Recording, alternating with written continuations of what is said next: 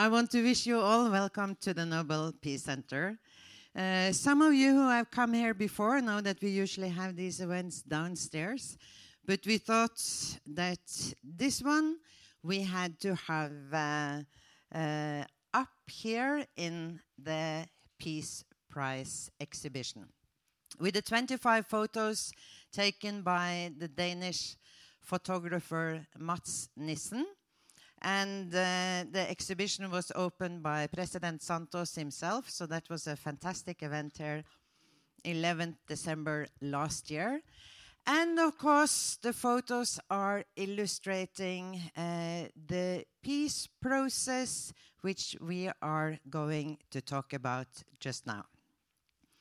We all know that peace, uh, peace agreements and ceasefire agreements are not made up of uh, individual leaders. Peace processes are made up of thousands of courageous individuals uh, in civil society very often, and they build the, the basis, the pillars for what some individual leaders can do afterwards. I think even more importantly are uh, the processes that start after the, the agreements are signed.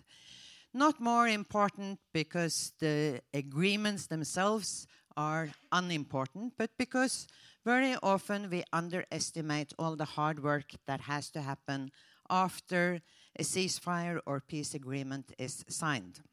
Sometimes I think that that is when the real, real peace process starts, actually.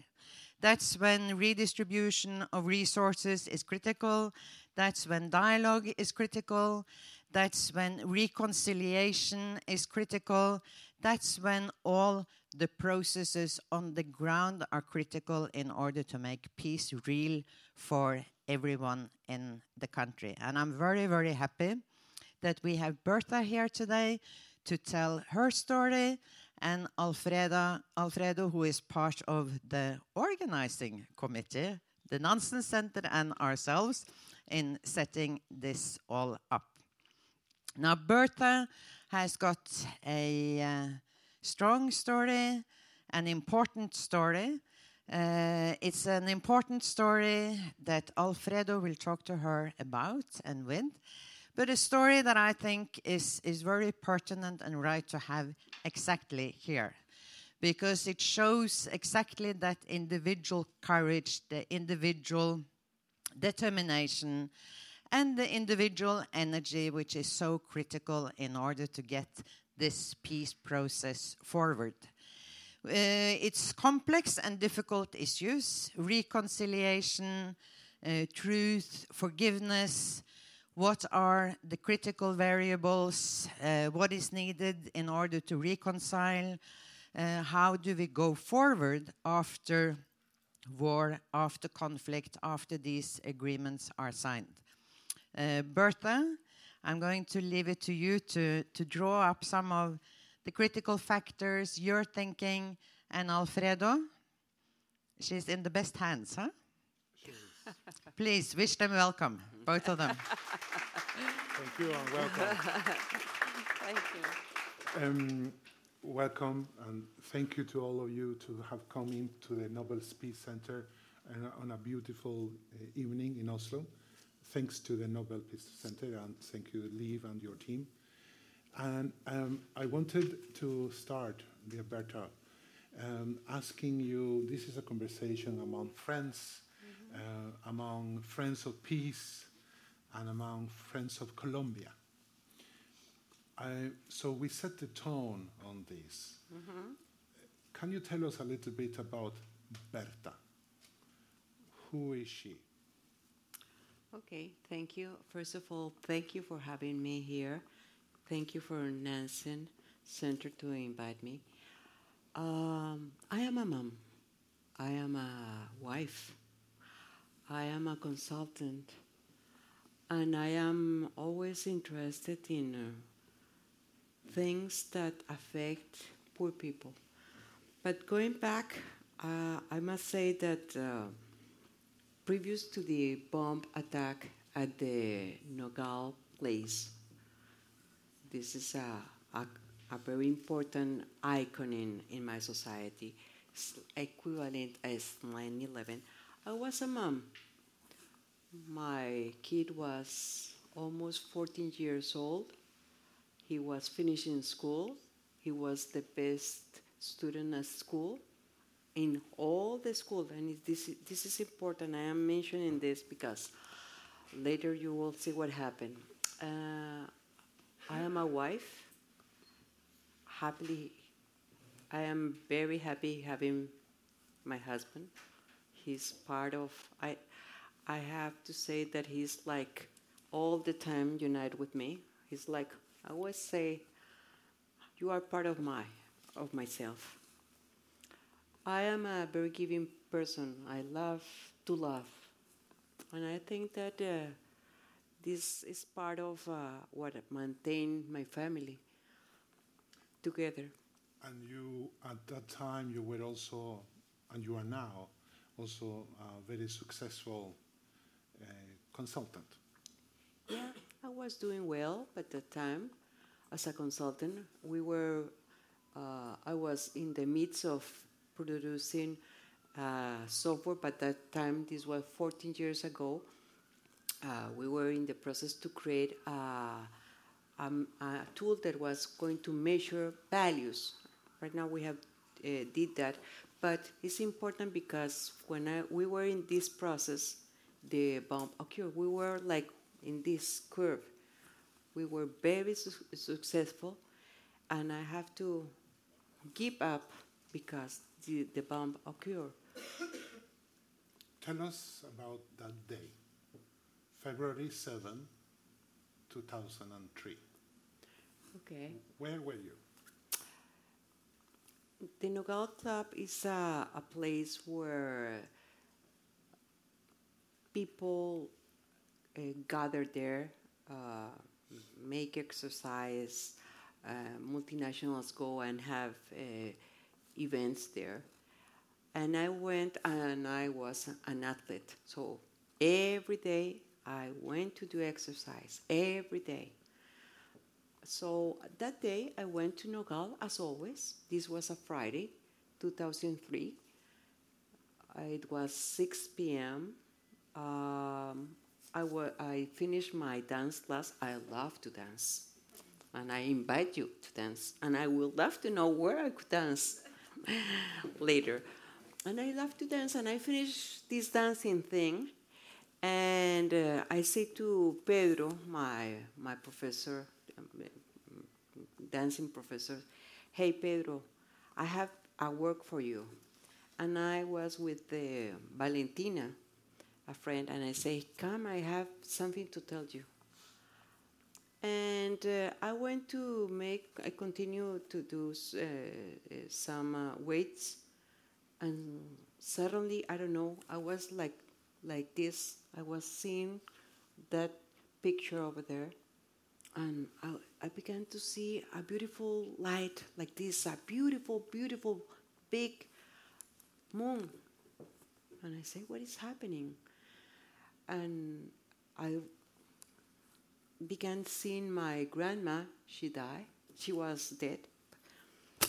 And what I have learned is that this is the process.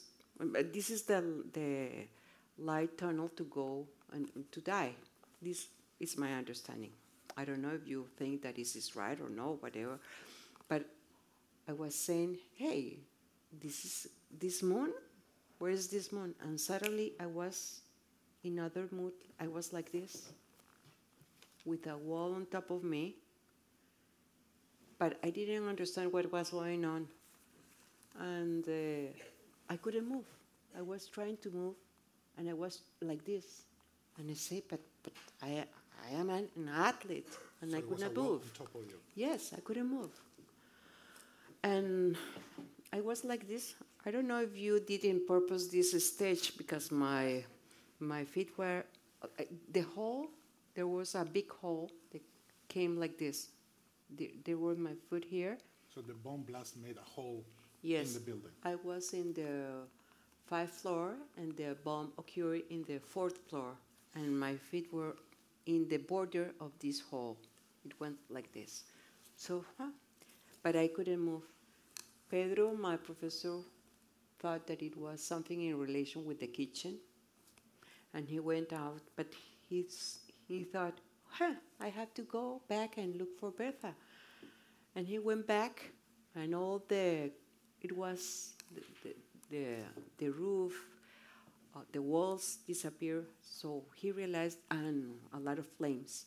He realized that something different occurred.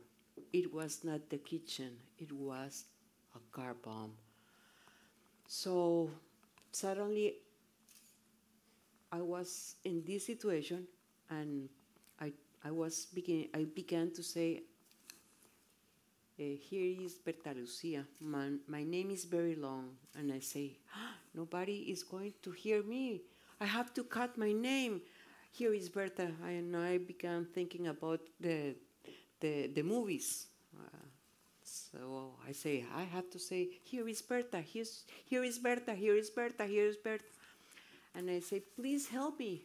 And people tried to take the wall out, and they couldn't. They could not because very big. So suddenly, uh, my friend that it was here, she came, and I didn't know what happened to her by that time. And she came, and she said to me, I was like this, and she said, We are going to try our best to take you out with Pedro, the, the teacher, the, the dance teacher. And uh, they try and they try, but they couldn't move the things, and they tried people, the other people that were moving on, please help us. And they couldn't, and suddenly uh, we, he- we hear a voice that says, We have to evacuate because uh, we were in the fifth floor, and in the 11th floor, there is a swimming pool that was going to go down, and it, was going to be like the, the, the uh, a, um, a more big blast in some way. So I say, please stay. Uh, ah, Pedro say, we are leaving and we are going to come back. And I say, no, you are not going to go out. Please, you have to be with me. Help me. And they try and try. I, I, I, I don't know if it is a miracle, it was a magic situation, and suddenly they began taking things. I don't know if, if it was the, the pressure that we have on, and but and they move all these things, so I have a lot of pain. Uh, but finally, I was rid of all this wall. The only part that uh, was blocked was my leg. Pedro thought that I was this was I, that I don't have a leg, but that moment he thought that it was cut. He was very scared, and uh, he say, "We have to go." I say, "No, no, no, no," and I began doing like this with my leg. I don't know, and I take out my leg. I don't know how. It's like these mm, movies that you see. I don't know where where it comes the the the the the, the courage or the force, and and I was out. But I began saying, Pedro, my shoe, my shoe is there, my shoe. And he said, No, no more. You have to go out. And I say, No, my shoe. And I was very stubborn. But I was thinking, oh, if I have to walk, I have to walk through a lot of. Uh, exactly. And I say, No, I need my shoe. Okay, forget it. So we, be, we began, and finally we were out. S- between flames, and it's a, a long story. And I went to the hospital, and I have been a manager for, for years, and I began being a manager since the since the blast occurred. I was, you have to do, we have to move, we have to, and uh, the ambulance arrived. I was the first person that I was in the ambulance. But the curious thing is that I have no blood anywhere. So the ambulance say, "Oh, you are okay." It's it's like uh, uh, the first thinking that they have. Oh, you don't have anything because I don't have blood. Uh, and there were a lot of little coincidences, very important. Be- Yeah. Uh, um, Berta, allow me to ask you, in that blast, 36 people were killed, 156 people were injured. You were one of those. Pedro saved you. Did he save your shoes too? Your shoes? No? He left them there. Yes. So we need to ask Pedro later. The uh, 156 people were injured. 198. 198. You started the long road of recovery after the ambulance didn't want to take you in. Um, you had to tell told media that there were many years of recovery. Can you tell us a little bit of those years? Wow. A little bit. A little bit, okay. Uh, What happened to your injuries? okay.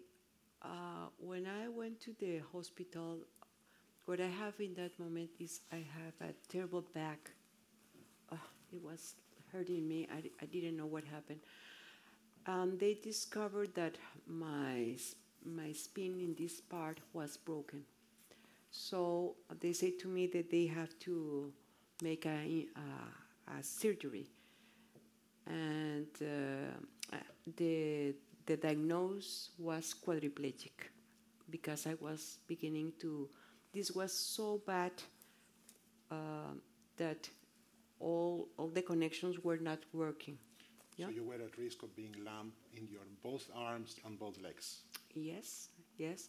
And I okay, so they they have this surgery, and at the beginning, the first thought when I was, I fin- they finished the surgery and I was in in the surgery surgery room. I s- ah, I am alive. I am living. So it was the fa- first phase of my life.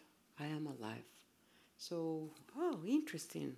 It's interesting the, the mental process because I say I am alive, but I didn't realize what was happening to what happened to me. Then the second phase was a lot of people visiting me, so I was very happy. Ah, a lot of people visiting me, and I didn't know what what was going on. Then I went to my home, and I couldn't move. So I have to go through six hours daily to have uh, uh, physiotherapy. And I, as I mentioned in the beginning, I was an athlete. I, I, okay, I do a lot of things, but I couldn't do this. I couldn't do this. Only I have only these three fingers move, no more. So I have to learn how to recover. And I remember that the physiotherapy said to me, muscles have memory. I say memory, but it was so difficult. It was very difficult to move. How long took that time to recover? Ah, It was a long process. It was because it. I have to add for for for that also that I have a post-stress trauma, uh, and I have learned that post-stress trauma is that it's like in going to your basement, the and you, this basement that you haven't opened for 20 years, and it, it will show up rats and all things. So I have to go through through this, uh, and also uh, in this process because I could not move and I was with this and I, I, I could only sleep two hours and only uh, and I lose like 15 kilos. So the only thing that I realized that I want to do is to give up. I don't want to continue living. So when I was living by that time in Boston, they allowed to me to go to Boston, and the only place that they could give me therapy was there. They are is expert in uh, patients, So I went through this process eight and a half years, and my husband, he was working at Harvard. He was a researcher and a, a professor there. He had to say bye to Harvard, and he has to take care of me because I was like a little girl. Uh, he put like this in bed, and I, or like this, and I have to stay. The way that he put me, I have to stay for uh, eight hours, five hours, uh, whatever. He has to feed me. He have to uh, uh, help in all the things that I, have to do in my daily life. So it was terrible. I have two questions on that. One is a, a very short answer from you. Who paid for that treatment? Did you pay or did the Colombian state pay? Nobody, ourselves. We have to sell our apartment, all our all our things. And my husband, as a professor, you know, the professors, no matter if he is, if he's a Harvard professor, he doesn't earn a lot. And also, I I was doing well, but as a professional, so we have to sell all our stuff. Uh, my son couldn't couldn't go to school because we don't have how to pay, and uh, I asked to by that this moment I asked the uh, six like the first year I said to my son, please go to the States. I was very scared about that he could have something, uh, another bomb. So, okay. The, um, you told me about your son and uh, uh, the things that you lost. You lost your career, your health, all the things that your family have earned. Um, at what point did you start thinking this idea of what to do with this hate, with what happened to you? What was the trigger moment? Do you remember how did you start that, that journey? Yes. I, I have to stay at Boston almost eight years and a half. Uh, having, I say, I have to have a nanny. Was my husband uh, my son was in others in other city, and uh, when I was ready to be uh, able to go without a nanny to my country, I uh, the first thing that I thought that I have to do was to talk with victims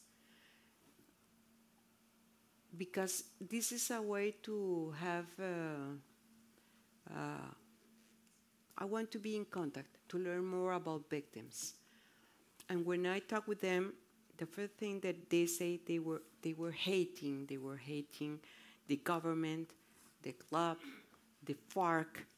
They were against the guerrilla, of course. And this was a very impact thing that I have. So I say, ha, I, I know about that because I hate them also.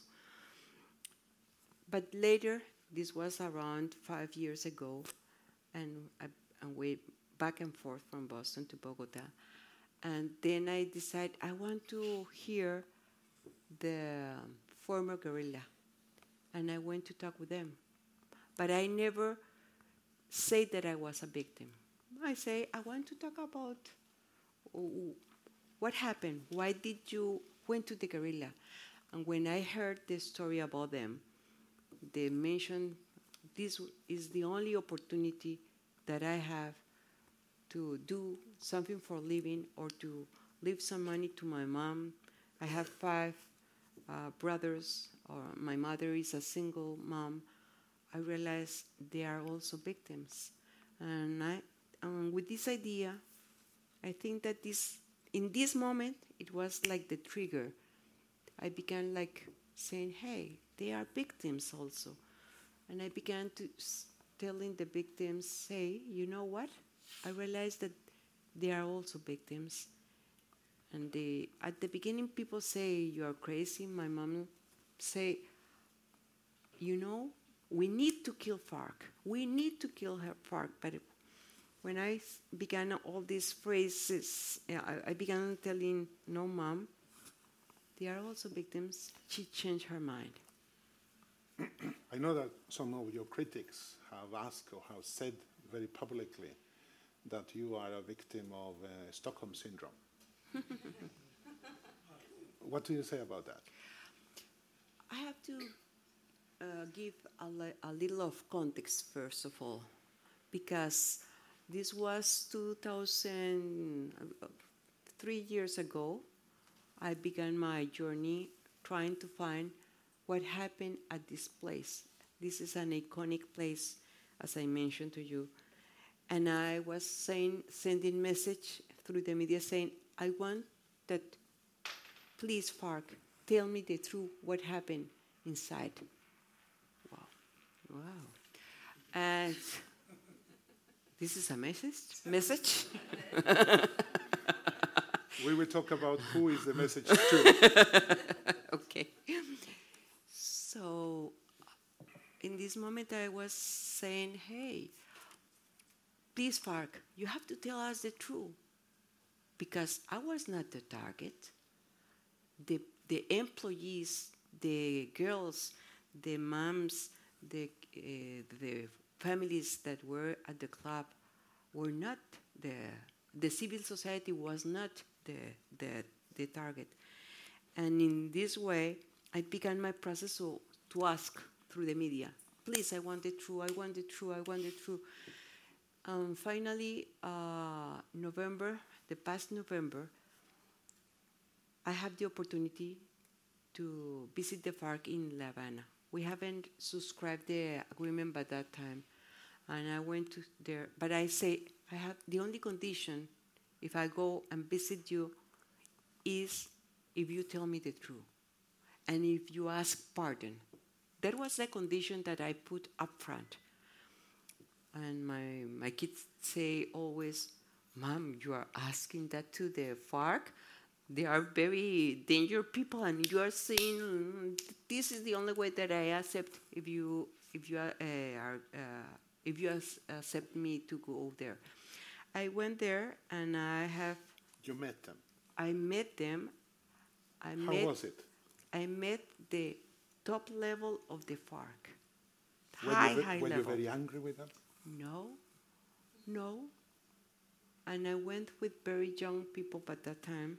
And when I was with the first guerrilla, talking with the, him, and he was like, I, I, I think, perhaps it's uh, my perception, that he was like, I, that I was like a glass. He was trying not to, he was more scared than myself. He was, and then these young people went and say, "Are you okay? What are you feeling?" I say, "I'm okay." They thought at the beginning that I was going to say whatever, what, but I was very calm, relaxed. No, I think that they were more in, in fear, uh, having fear. Is In uh, fear. Okay, and then uh, I went to talk with. Uh, I talked with the big boss guerrilla Timochenko.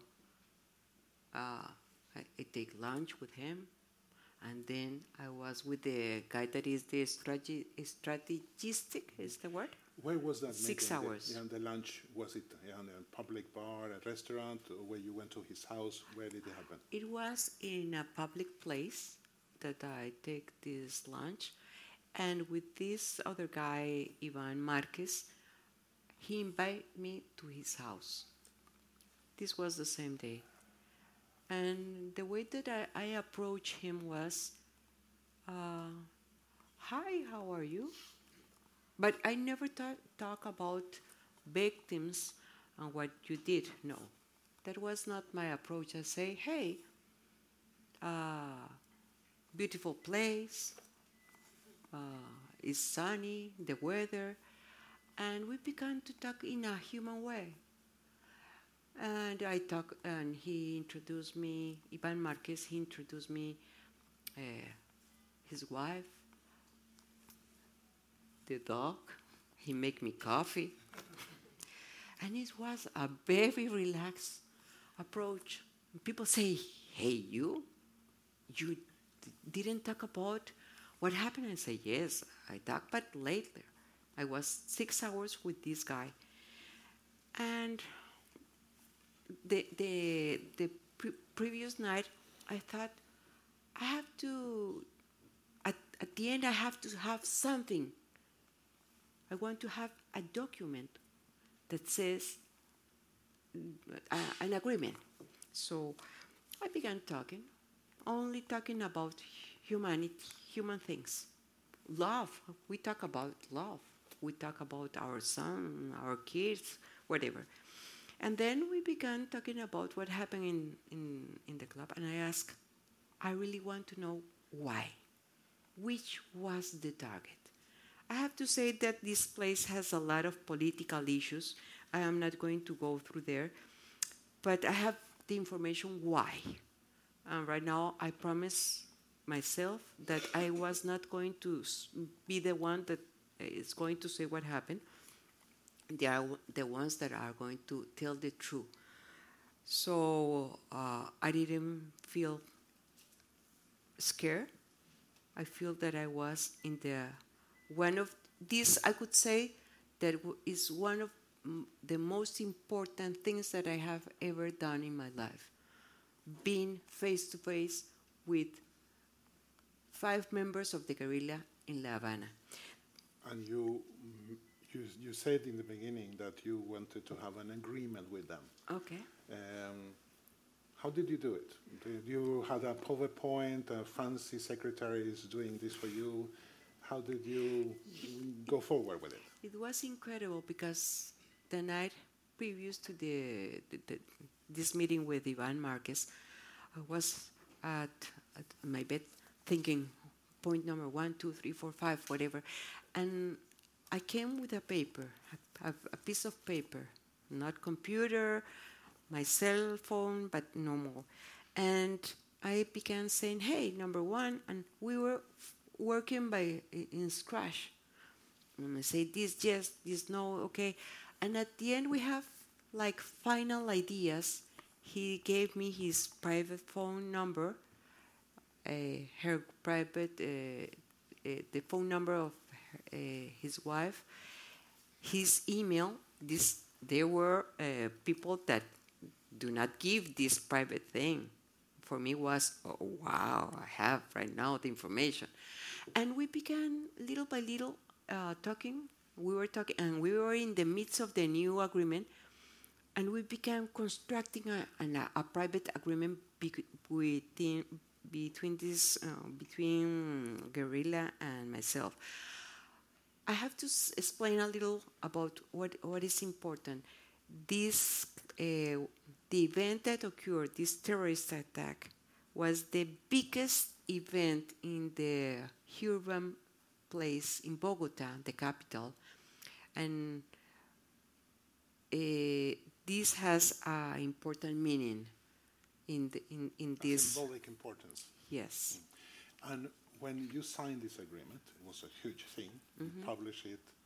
Then you came up with a second idea, what to do with that. okay uh, we signed this in uh, May the 28th and then the in one of the parts of the agreement was that we were going to have a peace uh, they were going to ask for pardon publicly.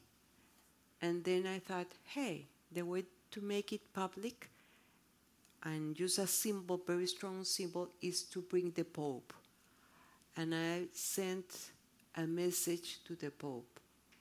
Uh, and I began looking for signatures from the victims, from people from the club, and then this get bigger because right now we the people that are signing uh, is people from Bogota.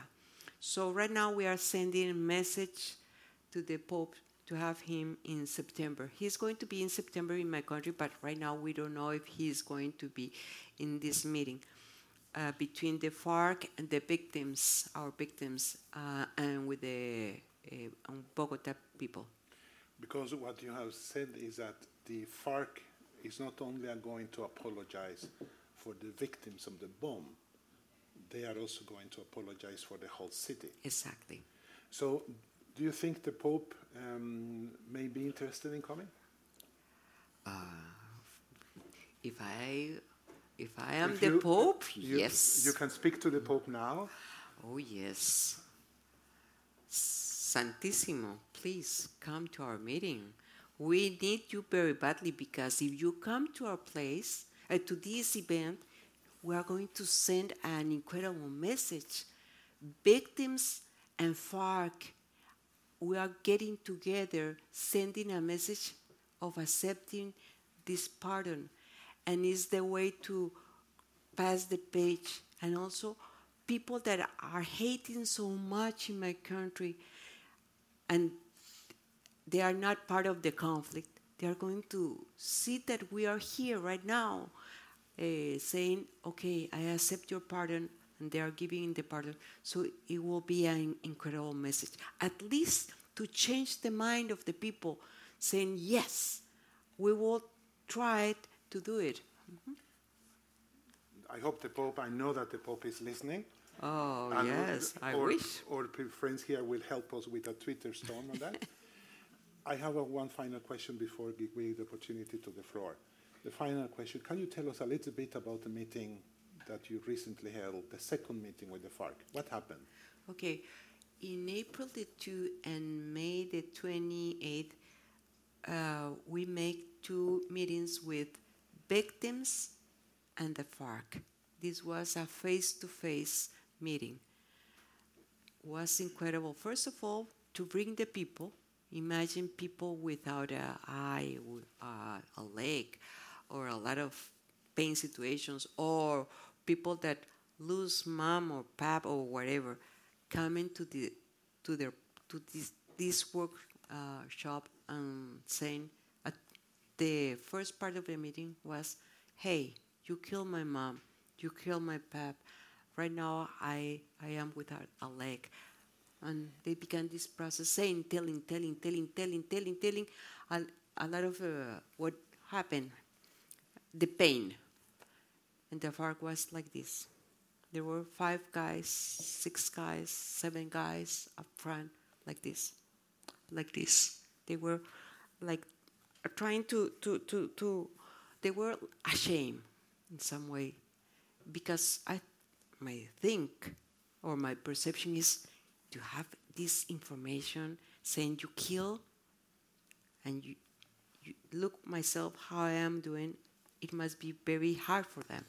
And the second part of the meeting was something that uh, I call is part of the uh, methodology that I have been improving is reconciliation with values. How we construct all together, FARC and we victims together, which are the values and the behaviors to construct reconciliation, a culture of reconciliation. And it was interesting because in the two uh, situations, they were working together, laughing, telling stories, and at the end, when we closed the event, then they were giving hugs, kisses. Say was this was incredible because we perceived that you are humans, and oh, a very important part is that the the guerrilla, the former guerrilla said, "Pardon, pardon, please pardon us, forgive us because we commit a terrible mistake." This was a very sensitive moment when they say this in, in different words. Thank you, Berta. Um, I know that we could have continued for many hours listening to you and to, to your testimony. I would like to give the opportunity to the floor. Uh, you have a mic, and please introduce yourself and very brief question or comment. And if it's too long a comment, I need to interrupt you because we have about 15 minutes left. So go ahead.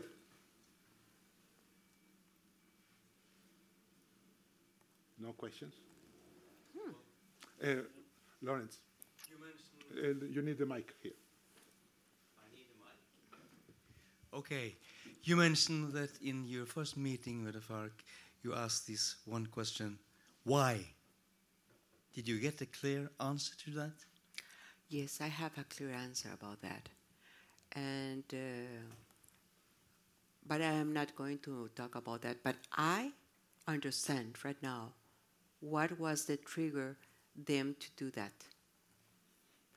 this doesn't mean that I justify them. That is another part of the equation. I do not justify them, and they do not justify them but, uh, right now. Mm-hmm.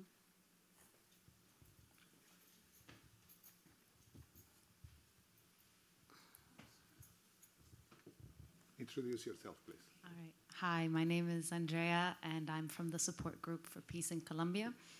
I'm wondering um, if you could tell us a little bit about how you see the process of reconciliation in Colombia to come, or what the big, big task we have ahead of us, and um, in a country that has also, say, forcibly been polarized. Just recently, uh, here in Norway, people were following closely the plebiscite, which the was a, the referendum. the referendum, which was a very clear example of how divided the country is, and of course, war and pain divides. So, um, if you could tell us a little bit about reconciliation, how you see this to come.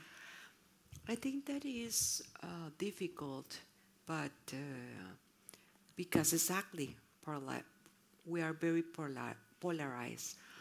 Uh, but the more that I read about other wars, I have read that this is the process. At, the beginning, we are like this two, two positions, different, uh, see, different positions. So the way I'm working very, very concerned about to do this continue this process with victims, not only from the Nobel, also with different uh, situations.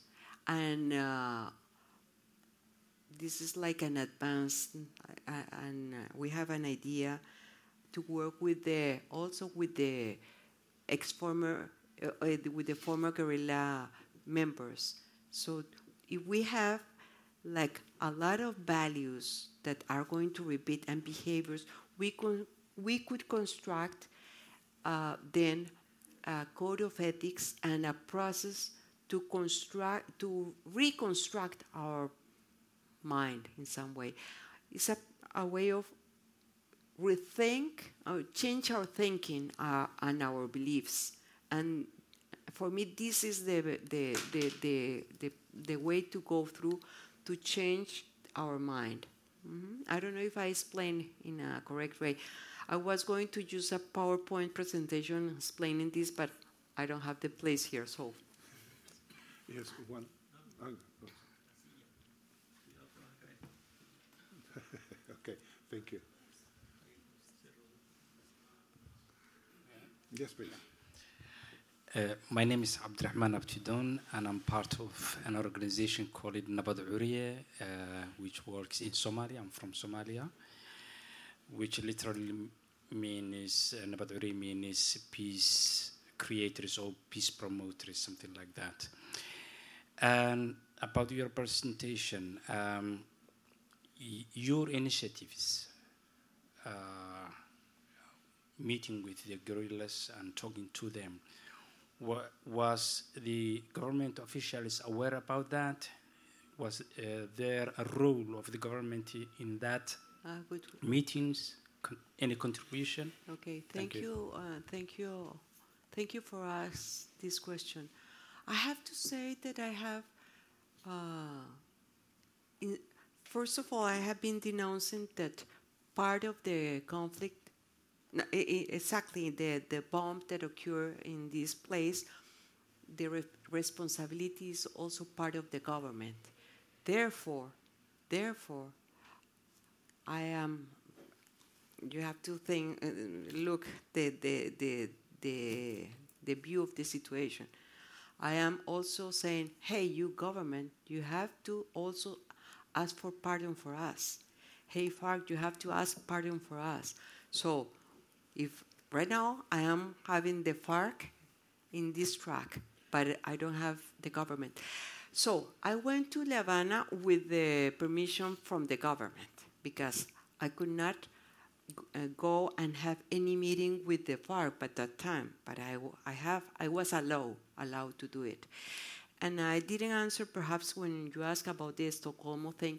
When I went to La Habana and I talked with them and I began all this process, uh, they were saying, hey, perhaps she's a little crazy. Perhaps this bomb occurred something in her mind. Uh, therefore, this is uh, my Stockholm thing that they are thinking. So perhaps I am in this Stockholm a illness, but I don't know. I have to go to uh, the psych- psychiatric, yes. So, or we need to go to Stockholm to see if you are there. Perhaps. Another question in the back. Um, my name is Omar Omar Drame, and I'm from, originally from the Gambia, and I work as a policy advisor at the Norwegian Directorate of Integration and Diversity.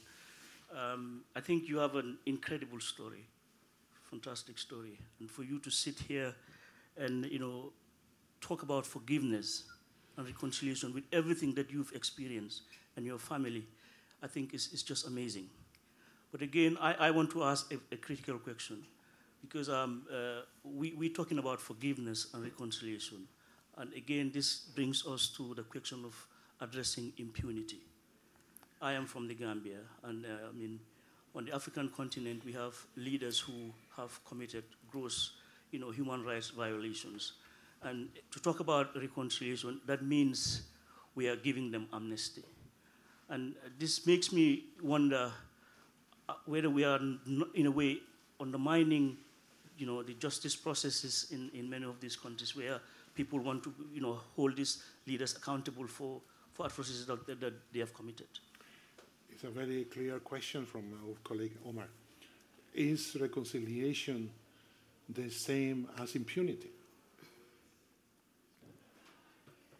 Uh, I, first of all, I have to say that the context that we have right now in my country is that we have subscribed an agreement, a peace agreement, in November. Uh, having this, and this is like 330 pages, and a huge agreement, and there is a part that is related to the, the judicial part. So I think uh, with this in context, I must say no, under my view. Uh, I knowing in, in this way, the, this is not impunity because they have right now the, what they have created is something that is called the whatever jurisdicción especial de paz. The transitional okay? justice system. Okay, thank you. And the people that commit this type of situations, they if they tell the truth, they are not going to go to jail, but they are going to go and work in their field during eight years. So, okay, it's a way of rephrase the way to have uh, justice. For me, it's okay, and I think that they, the people that in the guerrilla, to subscribe an agreement, they have to, they, they, you have to have a trade-off, and for me, it, this is. So. So uh, one final over there. Hi, uh, my name is Ulrik, and I'm a student. Uh, I was wondering before the second meeting where, with the re reconciliation, uh, how did you, because you were more than you that was at the meeting of, of the victims in the second meeting. Uh, I was wondering how you work before the meeting um, with anger and stuff like that. How do you start a conversation with them? Because I, I imagine it's a lot of people among the victims that was thinking like, "Damn you! You killed my family or my friends or stuff like that." Uh, you did a workshop with the victims. Yes. Can you tell a little bit? We have some few more minutes on that. Okay. Um, first of all, I have to say that all the victims they are not in the same page. Yeah, and that is part of the process. And this is all over the world the same. I could not uh, think that everybody have, has to be like me. Uh, when I invite the victims at the beginning, they say, "Oh, oh, they have to rethink, and some of them were scared. Okay, I'm going to see his face, the guy that put the bomb, whatever. And uh, okay, finally they came, and they were shaking at the beginning. And uh, the first thing that I tried to do is, what are your expectations of this meeting? This was a workshop, and they wrote, uh, the expectations. First of all, the victims alone. We brought a, a very important priest that gave like a, a spiri- spirituality space, and then when they came in the FARC, they also we asked what were their expectations, and was very nice to create between the two parties. Okay, what do we want at the end of this uh, uh, workshop? All the people say uh, we are bringing humanity. In some way, they say we are humans here, and we are we want to work as humans. We and we also set ground rules. Was very interesting. At the beginning, the second group was more tough than the first one. But in a respect way, but very tough guys. People, there was a guy as tall as this guy. Imagine talking in front of the of them. But I must say that at the end, the outcome was the same. I people the, the priest that comes to this meeting say hey how you do this and i say is i think it's part of the process previous and uh, during the, the workshop i would like to finish uh, with the last question from me the guy who put the bomb mm-hmm. he is now free under the conditions of the transitional justice system he is now incorporated into that. Mm-hmm. Will you shake hands with him? Yes. When this happened, this was one week and a half. Uh, he's having free uh, for uh, how do you say? It's not amnesty. He has to go through this judicial process, and he has to tell the truth. So all the people in my country were terrible. He has to be in jail. And when they ask me, "What do you think about?" I say, "Hey, the name his name is Herminsul." I say, "Hey, Herminsul, go there, and you have to tell the truth, all the truth, and all the details, because this is the way that we will accept you." That was all what I said. Mm-hmm. Thank you, Berta. Mm-hmm. And thank you for coming to all of you. Thank you.